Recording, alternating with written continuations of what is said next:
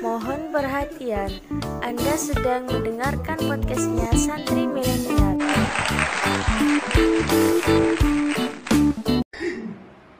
Assalamualaikum warahmatullahi wabarakatuh. Kembali lagi bersama saya Muhammad Ilyas dalam channel resmi Pondok Pesantren Majelis Sa'adah. Sa'adah di channel dalam acara podcast Santri Majelis Sa'adah. Nah, sekarang saya sedang bersama dengan Gus Ahmad Tanzil Aisar Mubarok atau yang biasa kita kenal dengan Gus Ahmad. Assalamualaikum. Waalaikumsalam. Bagaimana kabarnya? Alhamdulillah khair. Baik baik baik. Nah, jadi sekarang ini dengan kami undang ke podcast kami untuk memberikan suatu arahan kepada kami semua, baik motivasi atau arahan dan lain sebagainya mengenai tentang santri, inspirasi bagaimana caranya menginspirasi santri agar semangat dalam menuntut ilmu dan belajar dan sebagainya. Pertama, eh, terkait kabar-kabar yang kami dengar bahwasanya jenengan mempunyai banyak prestasi di pondok pesantren. Perlu berlebihan kabarnya ini. Kabar yang perlu berlebihan. Dibesar-besarkan.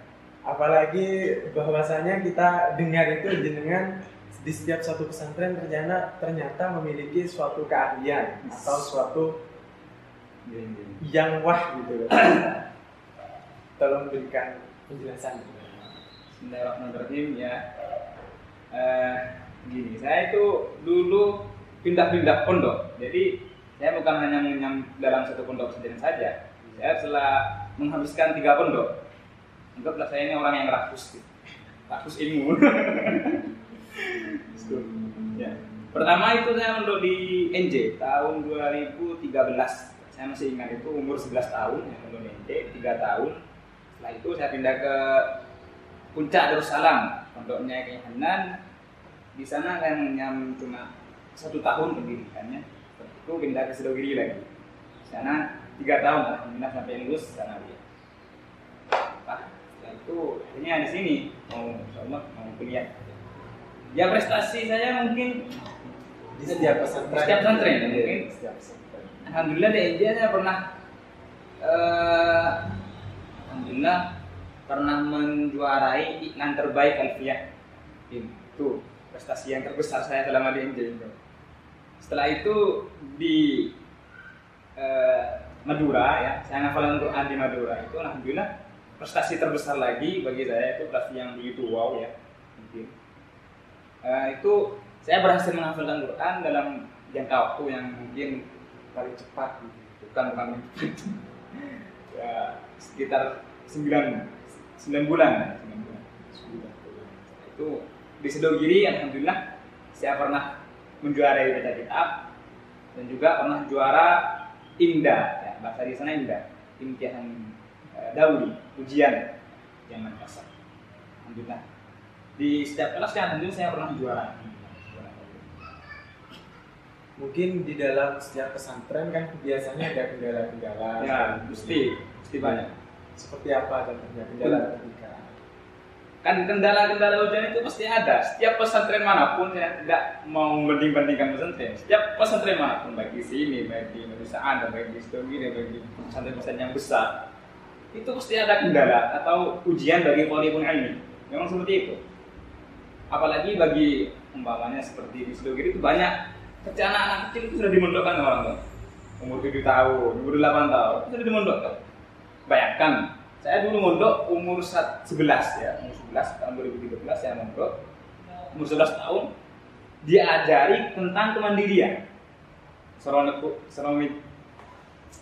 disuruh mengatur uang sendiri.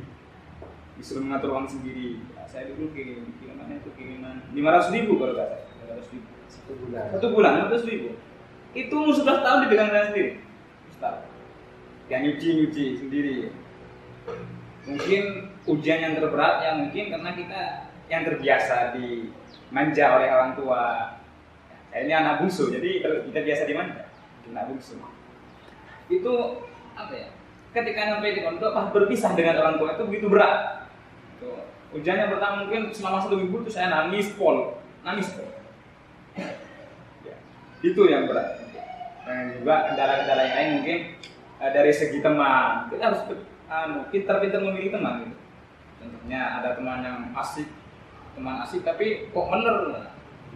Teman asik tapi kok nakal ya? Teman asik tapi kok nakal? Itu sebaiknya kita jangan jauh bicara dari itu maksudnya ada bisa memilih teman yang baik mana teman yang rajin mana temannya saya dulu sering waktu BNJ itu saya tuh nakal nakalnya nakal nakalnya santri. Deh iya nakalnya santri.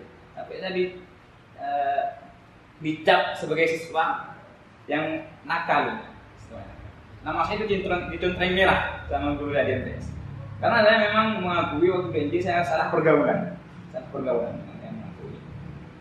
Nah, eh, setelah itu ya eh, mungkin eh, introspeksi diri lagi menghasut diri. Akhirnya alhamdulillah saya bisa berubah. Saya berubah sedikit sedikit demi sedikit.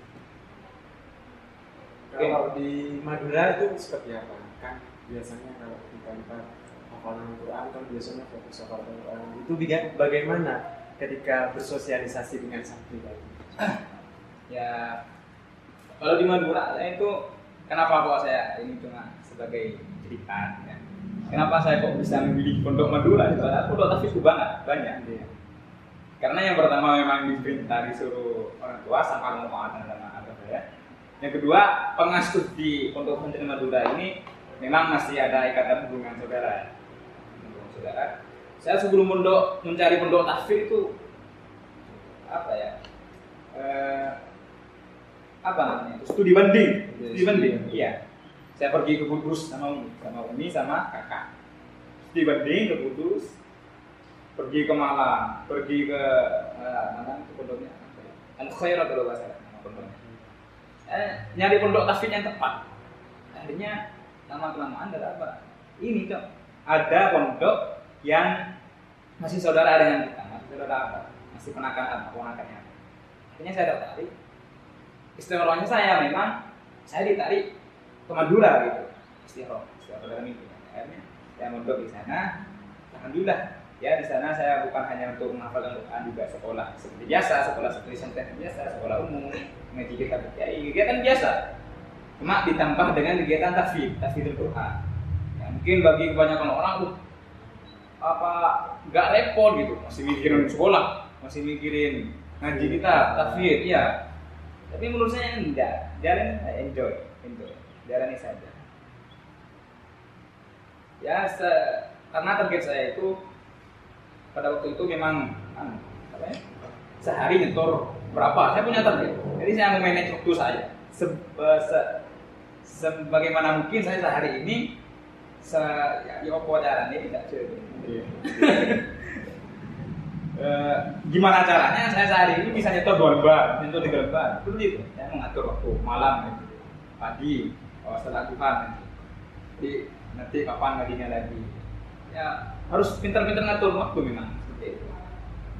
Kalau ke Sidogiri sendiri, kan di Sidogiri itu banyak program kajian Iya. dari Pondok Sidogiri. Nah, kenapa lebih memilih takfid sedangkan takfidnya sendiri kan sudah menguasai? Ya, memang yang pertama memang untuk lebih melancarkan lagi karena takfid ini tanggungannya bukan hanya untuk dihafalkan, tanggungannya memang seumur hidup untuk dilancarkan. Sampai mati ya takfid. Ya yang pertama karena memang di sana di takfid eh, guru saya Gus Mukti itu memang punya sanat sanat sambung sanat Quran sambung Rasulullah. Itu yang saya incar itu. sanat Quran itu incaran saya. Alhamdulillah saya berhasil mendapatkannya dalam beberapa hatam diwajibkan memang kalau bagi orang yang sudah wisuda di Sidogiri itu diwajibkan nyetor ke Gus. Kalau sudah sampai tujuh hataman baru di Gus kasih apa sana Quran dari Imam Hafiz ya, Asyik. Memang target saya itu. Di Sidogiri memang banyak program-program contohnya bahasa Arab PPBA, contohnya lagi tafsir mutun, tafsir hadis. Dan sebagaimana macamnya lain itu banyak Sidogiri itu. Ilmunya luas. Saya memang merasakan ilmu saya itu berkembang di Sidogiri bukan ya bukan maksudnya menguji Sidogiri memang benar. Memang benar nyatanya seperti itu. Lebih berkembang di Sidogiri mungkin dari yang sudah dengan paparkan tips apa yang mungkin bisa disampaikan kepada seluruh santri di Indonesia terutama di majelis usaha ini agar semangat bisa mengikuti dengan semangat. Ya. tips mungkin tips saya itu saya punya seorang mungkin bisa dibilang motivator himmah ya. Himmah semangat cita-cita kita itu harus ditinggikan. Contohnya guru saya itu Hanan ceritanya itu pernah beliau itu dulu waktu mondok bermimpi sekiranya saya sealim Imam Syafi'i. Cita-citanya begitu tinggi. Ada Gus Muhyiddin Basuwan saya sekiranya sealim sekiranya saya ini sealim Ibnu Hajar al al sekolah Ibnu Hajar al Hitami kalau ya. maksudnya apa? Kita bisa menunjukkan kita walaupun nanti hasilnya itu mungkin mengecewakan kita tidak sama dengan yang kita pikir kalau menjadi ulama besar menjadi Imam Syafi'i walaupun nanti tolong apa hasilnya mungkin menjadi kiai biasa mungkin kita apa ya, tidak terlalu kecewa gitu. Maksudnya apa? Kita telah menampakkan himmat kita. Yang penting kita telah memberitahukan himmat kita kepada Allah bahwasanya saya ingin menyaingi Imam Syafi'i begitu. Jadi menjadi bukti begitu. Oh, orang, orang ini semangat gitu. Orang ini semangat. Menjadi bukti itu himmat saya. Himmat saya dulu uh, ingin menjadi seperti Imam Suyuti. Imam Suyuti. Jadi saya Imam Suyuti hafalan hafalannya banyak, teman-teman hafalannya banyak. Hafalkan banyak kitab saya. Walaupun otak saya nggak mampu gitu.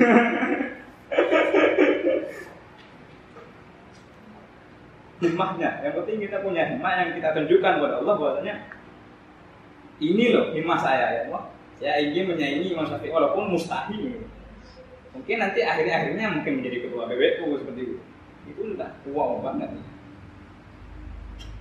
dan motivator saya itu mungkin uh, pendorong bagi saya untuk selalu semangat belajar untuk selalu semangat menghafalkan. Itu umi ya umi ibu-ibu saya. Soalnya setiap minggu itu pasti telepon setiap Jumat. Gimana kabarnya gimana kabarnya Alhamdulillah ingat ingat kawat tuh ingat rajin belajar. Seperti itu. Tetap pesannya seperti itu rajin belajar kawat tuh eh, jangan sombong. Pokoknya lakukan yang baik temannya ya. Seperti itu terus.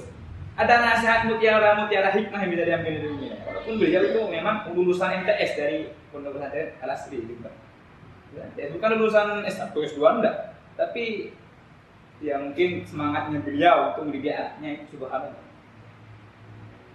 Seperti itu. Ini saya dengar-dengar lagi nih kita ternyata jenengan setelah dari sini mungkin ingin melanjutkan ke Mesir kenapa kok memilih Mesir daripada negara-negara lain? Kan sedangkan banyak negara lain yang lebih mungkin lebih wah dari Mesir. Apa ya? Poin yang pertama bisa kita ambil dari Mesir itu karena memang di sana ada seorang tokoh yang begitu saya dambakan. Contohnya seperti lulusan Mesir yang sangat terkenal mungkin kita tahu mungkin.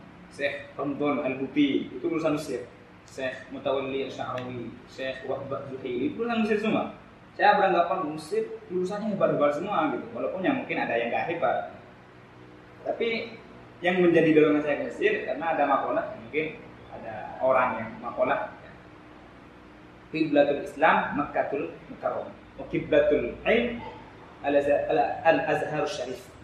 Kiblatnya orang Islam itu Mekah Mekah, Mekah tapi kiblatnya ilmu ilmu Islam. Ilmu tentang Keislaman keagamaan. Itu Al Azhar Syarif memang diakui keilmuannya di seluruh umat dunia. Memang diakui contohnya seperti sekarang ketua ulama sedunia itu dipimpin oleh alumnus alumni Al Azhar Syekh uh, Yusuf Al Qardawi Syekh Yusuf Al Qardawi beliau lulusan Al Azhar ya, itu yang menjadi dorongan saya. Hebat hebat kok bisa hebat hebat Al Azhar jadi ya tertarik ke Al Azhar gitu jika sudah masuk masuk ke Mesir sudah masuk sudah tahu universitasnya seperti apa. Nah pasti sebelum itu kan jenengan saya mau masuk jurusan apa? Nah itu kita ingin tahu jurusan apa yang mungkin bisa menarik jenengan tertarik di jurusan itu. Contoh seperti apa? Iya kayak apa?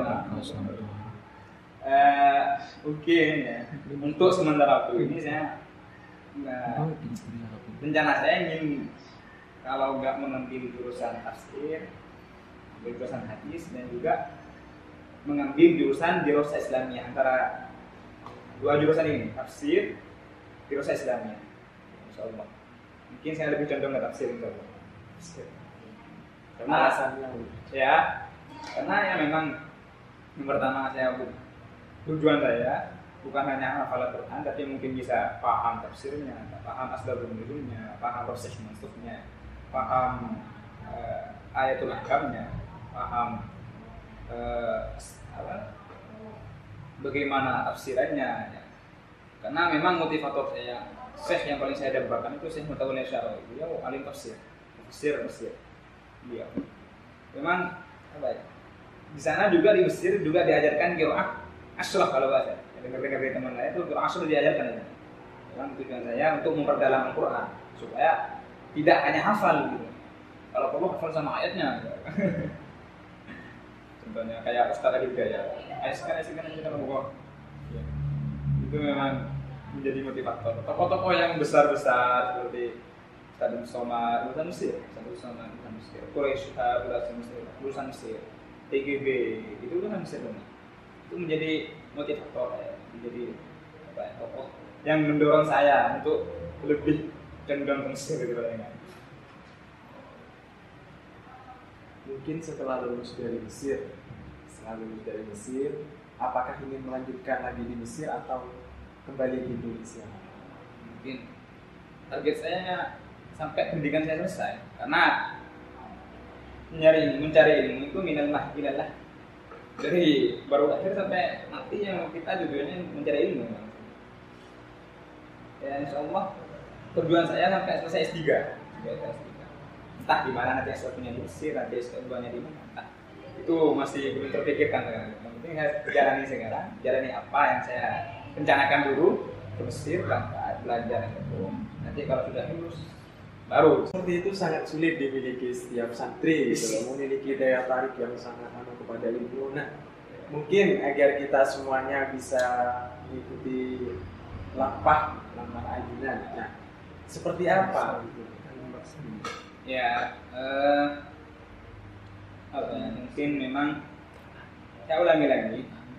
Eh, yang paling penting dalam mencari ilmu itu memang niatnya yang harus kita perbaiki. Kadang ada orang yang mondok itu niatnya hanya mencari mencari ijazah banyak itu bukan untuk bukan kadang banyak banyak kan seperti itu. Lulus SMA lulus kuliah oleh ijazah mendapatkan ijazah wes lah sudah. Tak akan untuk boleh itu sudah berhenti boleh dari pondoknya itu cuma seperti itu. Ya. targetnya cuma sampai ijazah.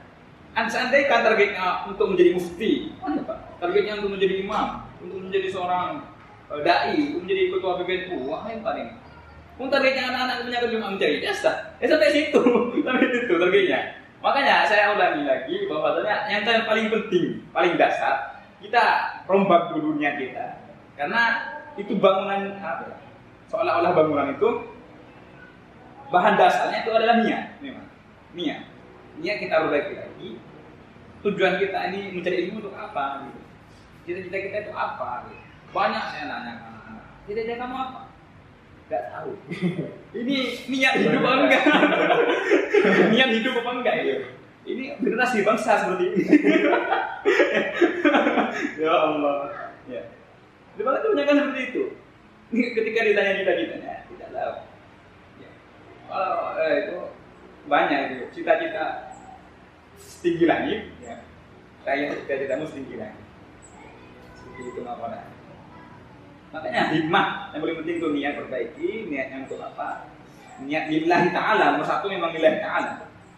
Nanti kalau ada lihat yang lain mungkin bisa diperbaiki. Contohnya seperti Imam Ghazali ceritanya beliau itu dulu niat mencari ilmu memang pertama kali itu bukan untuk lillahi ta'ala karena beliau mencari ilmu dulu dibiayai pamannya untuk eh, diberikan uang sama pamannya. Akhirnya niat mencari ilmunya karena dikasih uang ke sama pamannya. Sehingga lama kelamaan karena beliau sudah merasakan ledzatul ilmi manisnya ilmu bagaimana ilmu itu bisa menjadikan kita sukses di dunia dan akhirat. Akhirnya beliau tolaktul ilmah liwairillah fa'aba ayakuna lillah. Ini perkataan beliau. Saya mencari ilmu dulu bukan karena Allah. Fa'aba lillah ketika saya sudah merasakan manisnya ilmu fa'aba lillah maka saya membuang semua niat-niat yang selain kepada Allah. Lillahi ta'ala. Hingga masyhur. Karangannya beliau sampai kan Ihya Ulumuddin itu masyhur. kan terkait pendapat dengan yang mungkin sekarang banyak terdengar di Malaya umum bahwa santri itu ternyata udah ketinggalan Udah. zaman. Nah, pendapat tentang santri yang ketinggalan zaman itu sebenarnya menurut jenengan pendapatnya bagaimana? pendapat yang salah gitu. aslinya pendapat yang salah santri itu bukan ketinggalan zaman santri itu adalah apa ya? Penjaga benteng bagi ahlus sunnah wal jamaah, benteng bagi agama Islam. Pak, kalau seandainya santri dibilang ketinggalan zaman, banyak pondok-pondok santri sekarang mendirikan universitas, mendirikan seperti NJ ada uh, seperti so, Salafia, itu ada universitas semua, banyak kan pondok-pondok besar, Gontor, itu universitasnya diakui itu sama pemerintah. Kalau ketinggalan zaman, mana mungkin santri bisa bersaing dengan yang lain. Makanya santri di pondok pesantren ini santri bukan hanya belajar ilmu agama doang, Santri bukan hanya belajar ketahui iki-iku, dinding maneka, bukan. Bukan hanya belajar bagaimana cara mengerti kita, tapi santri belajar bagaimana uh, yang pertama yang mungkin ya belajar tentang uh, agama, yang kedua belajar berinteraksi dengan masyarakat. Contohnya sama teman gitu. Itu cermin kita di masyarakat. Nah, yang ketiga, santri diajarkan bagaimana untuk bersaing di kan, ya, di era milenial seperti ini. Uh, di itu bahkan dia ada kursusnya kursus jurnalis, jurnalis, kursus jurnalis untuk bisa menyanyi jurnalis-jurnalis di luar. Uh, contohnya salah satu uh, gambaran saya, Ustadz favorit saya itu Ustadz Ali Wafa. Beliau itu menjadi apa ya, pemimpin redaksi Budayawan Sidogiri, kan sampai anda sendiri kan tahu. Itu sudah tersebar di seluruh seluruh Indonesia. Beliau itu hebat. Beliau bukan lulusan uh, bukan lulusan sekolah, beliau asli Sidogiri lulusan pesantren Sanaf, tapi beliau diundang di universitas yang lain. Pernah diundang di mana?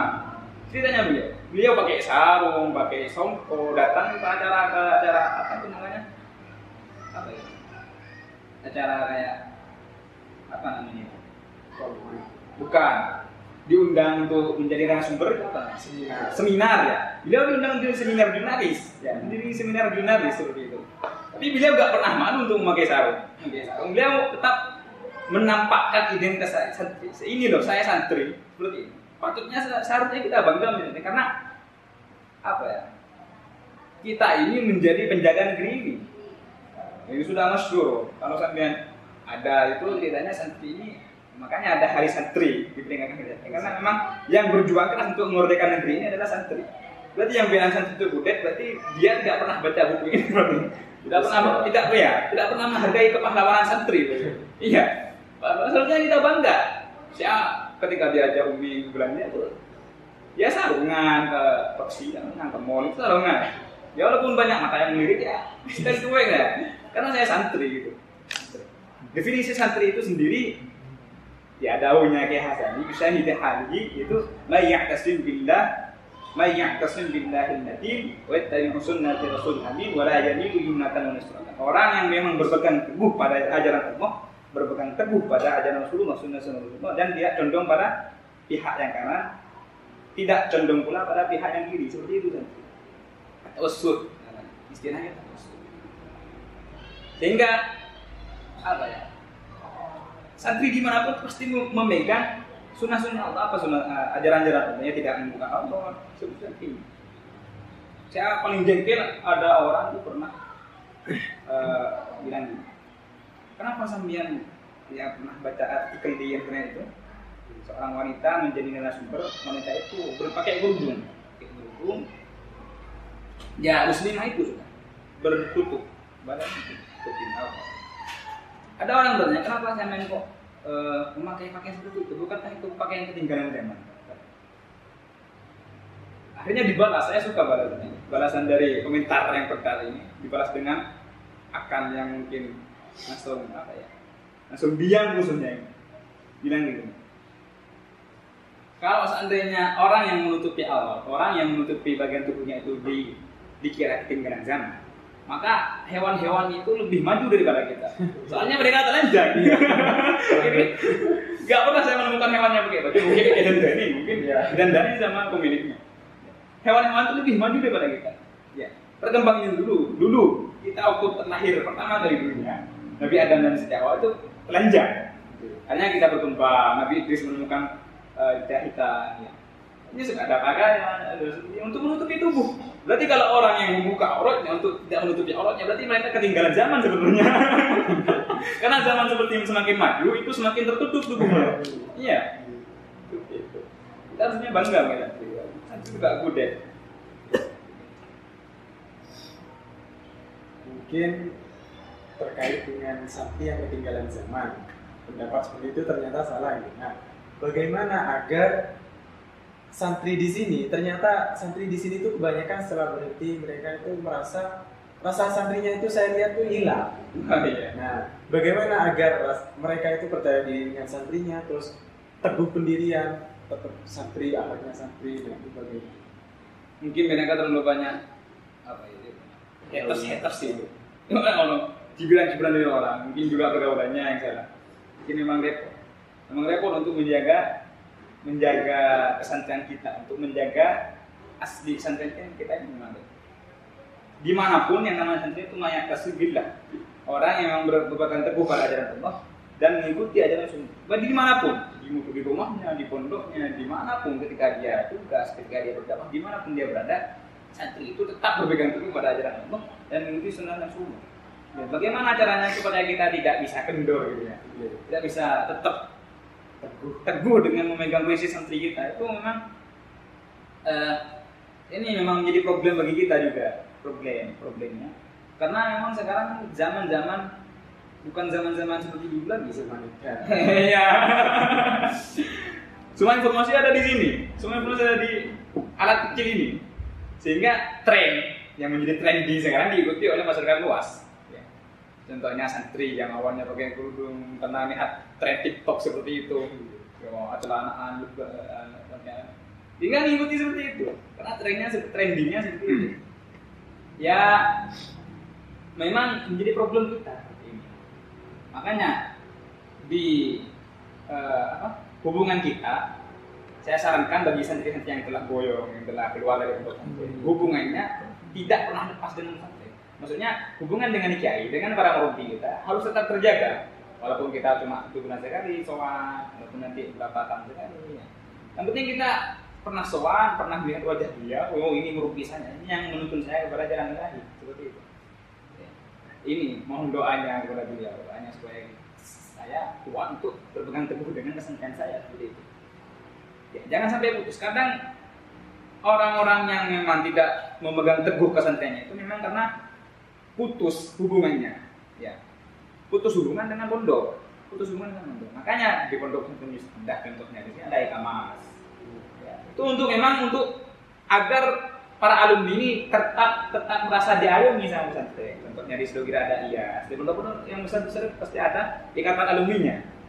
Memang apa tujuannya itu untuk tetap merangkul para alumni supaya tidak kelewatan batas tetap santrinya terjaga maka saran saya tetap aktif ya di organisasi-organisasi alumni seperti kita maksudnya IAS.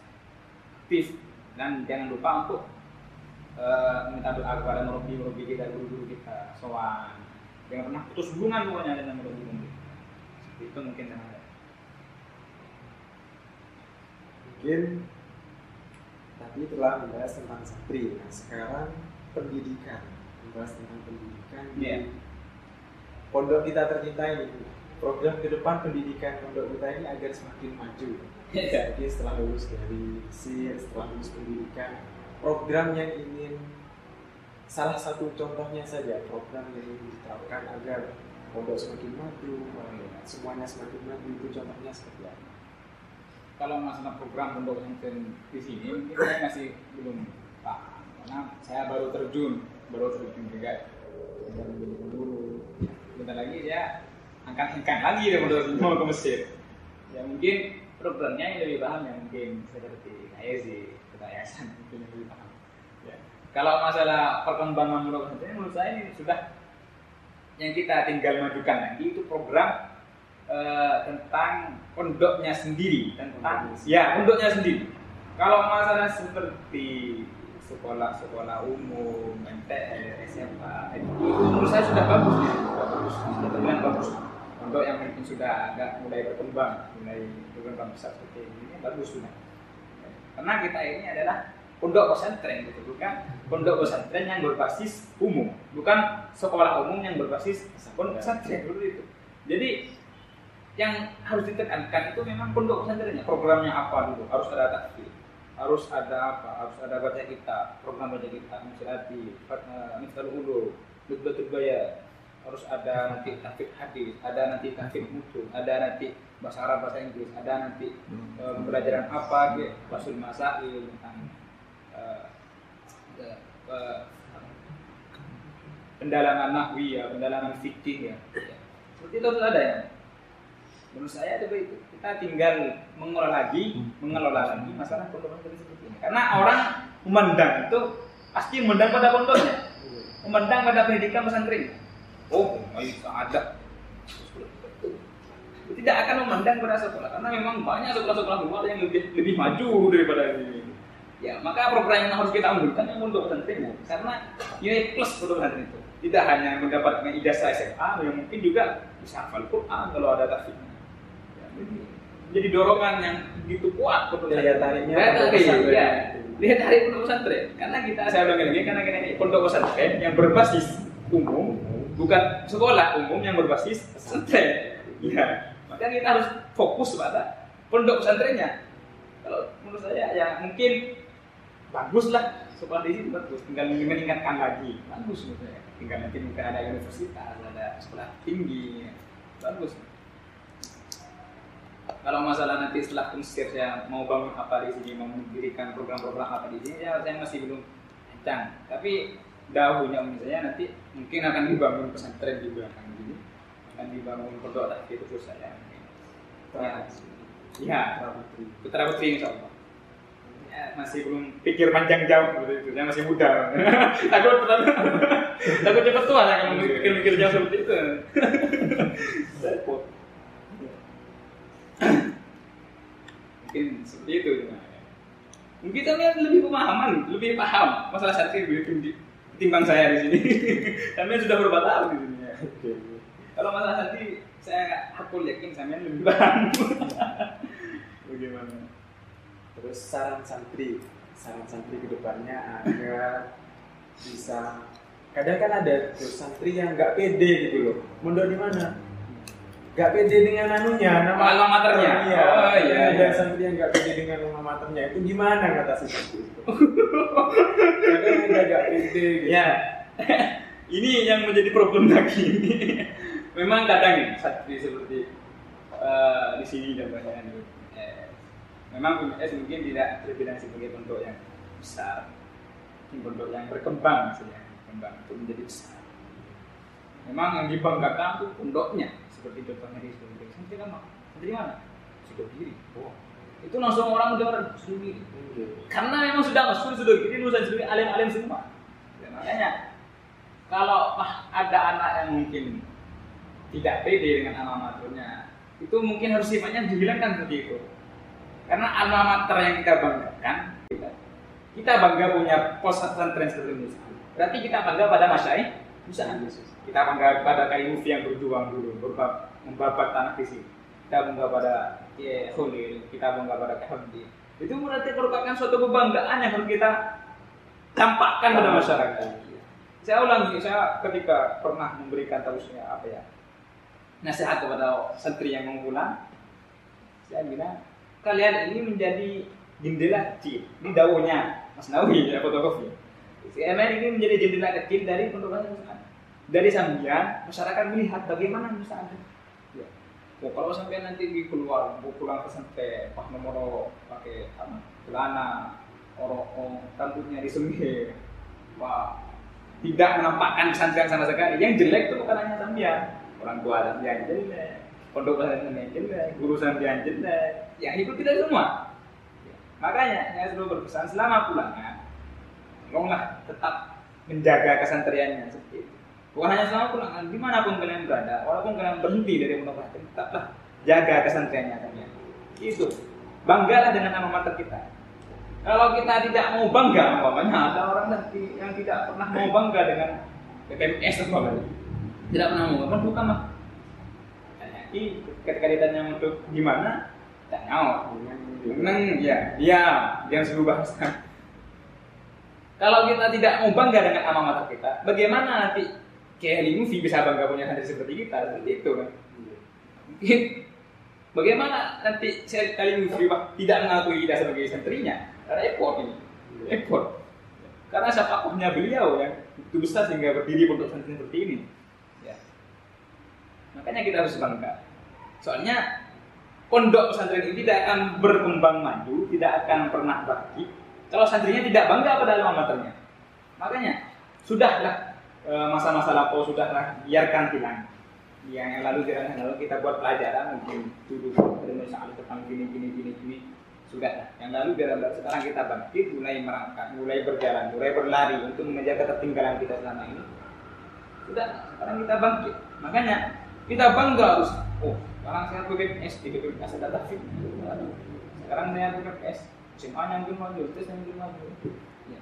sudah yang lalu biarlah berlalu tampakkan bahwasanya kita ini alma maternya BPS kalau sudah kita tampak BPS masyarakat itu santri mana bangga dia menjadi santri. Berarti ajaran yang dikirimkan yang diajarkan gurunya telah masuk ke dalam itu. Menjadi penarik juga bagi kita penarik juga. Eh, kemajuan kemudian di mungkin terakhir saran terakhir bagi santri di Indonesia maupun terutama di majelis santri saran santri. Itu ya saran untuk santri. Saran saya mungkin jangan pernah merasa kalian ini ketinggalan zaman. Itu yang banyak ini kalian ini menjadi benteng menjadi benteng bagi tanah air kita bagi agama kita. Yang terpenting ada. Kedua ya tanah air kita bangsa kita negara kita. Kalian ini yang akan menjadikan Indonesia baldatun thayyibatun waratun ghafur jangan pernah kuda jangan merasa kuda Mari kita bangkit tunjukkan. Kita belajar ilmu agama, kita belajar ilmu juga. Tunjukkan bahwasanya Santi bisa e, menjadi pesaing di era milenial seperti ini, era modern seperti ini. Kita tampakkan. Dan nomor dua yang mungkin saran saya banggalah dengan alma mater sendiri. Banggalah dengan alma mater sendiri. Karena itulah yang akan menjadi bukti bagi kita bahwasanya kita santri dari kiai. Itu bukti di akhir bukti lagi kita. Bangga menjadi santri beliau. Jangan sampai kita tidak bangga menjadi karena ya safaknya beliau yang begitu yang kita harapkan. Nah, kok tak? Dia aku santri. Repot kalau dia aku santri. Nah yang ketiga mungkin di mana pun kalian berada bagi santri ya, bagi santri PPMS khususnya umumnya bagi santri seluruh Indonesia, di mana pun kalian berada, tetaplah uh, ngaji, tetaplah mencari ilmu, di mana pun kalian berada, walaupun itu lewat YouTube, walaupun nanti lewat uh, mana Instagram, atau Facebook, ngaji, karena ngaji itu mencari ilmu minal mahdi minal lahdi. Dari sampai mati sampai jangan pernah kendor, jangan pernah malas untuk mencari ilmu. Karena yang membedakan santri dengan yang tidak santri itu mungkin eh, yang nomor satu yang mungkin akhlaknya, nomor dua santri ini lebih bisa apa ya mengatur gitu, bisa mengatur karena beliau santri-santri itu memang sudah diajarkan bagaimana mengatur urusannya sendiri, mengatur waktu jam berapa nanti kita ngaji di YouTube, jam berapa nanti kita ngaji pada kiai siapa, di mana pun kita berada. Walaupun cuma lewat internet, harus harus ngaji, harus ngaji, jangan pernah meninggalkan ngaji. Mungkin itu pesan dia. Mungkin terima kasih sudah meluangkan waktu iya. di acara ini. Ya mungkin ini tidak sampai berapa menit. terima kasih terlalu cepat sudah banyak ilmunya yang telah dipaparkan kepada kami telah ditanamkan kepada iya. kami terima kasih ya sudah iya cukup sekian podcast pada pagi hari ini kita tentunya sudah banyak menerima ilmu yang telah Gus Ahmad berikan kepada kita sekalian nah dari ilmu tersebut kita harus wajib mengambil hikmah dari semua yang telah dipaparkan Kurang lebihnya saya mohon maaf. Wabillahi taufiq wal hidayah. Wassalamualaikum warahmatullahi wabarakatuh.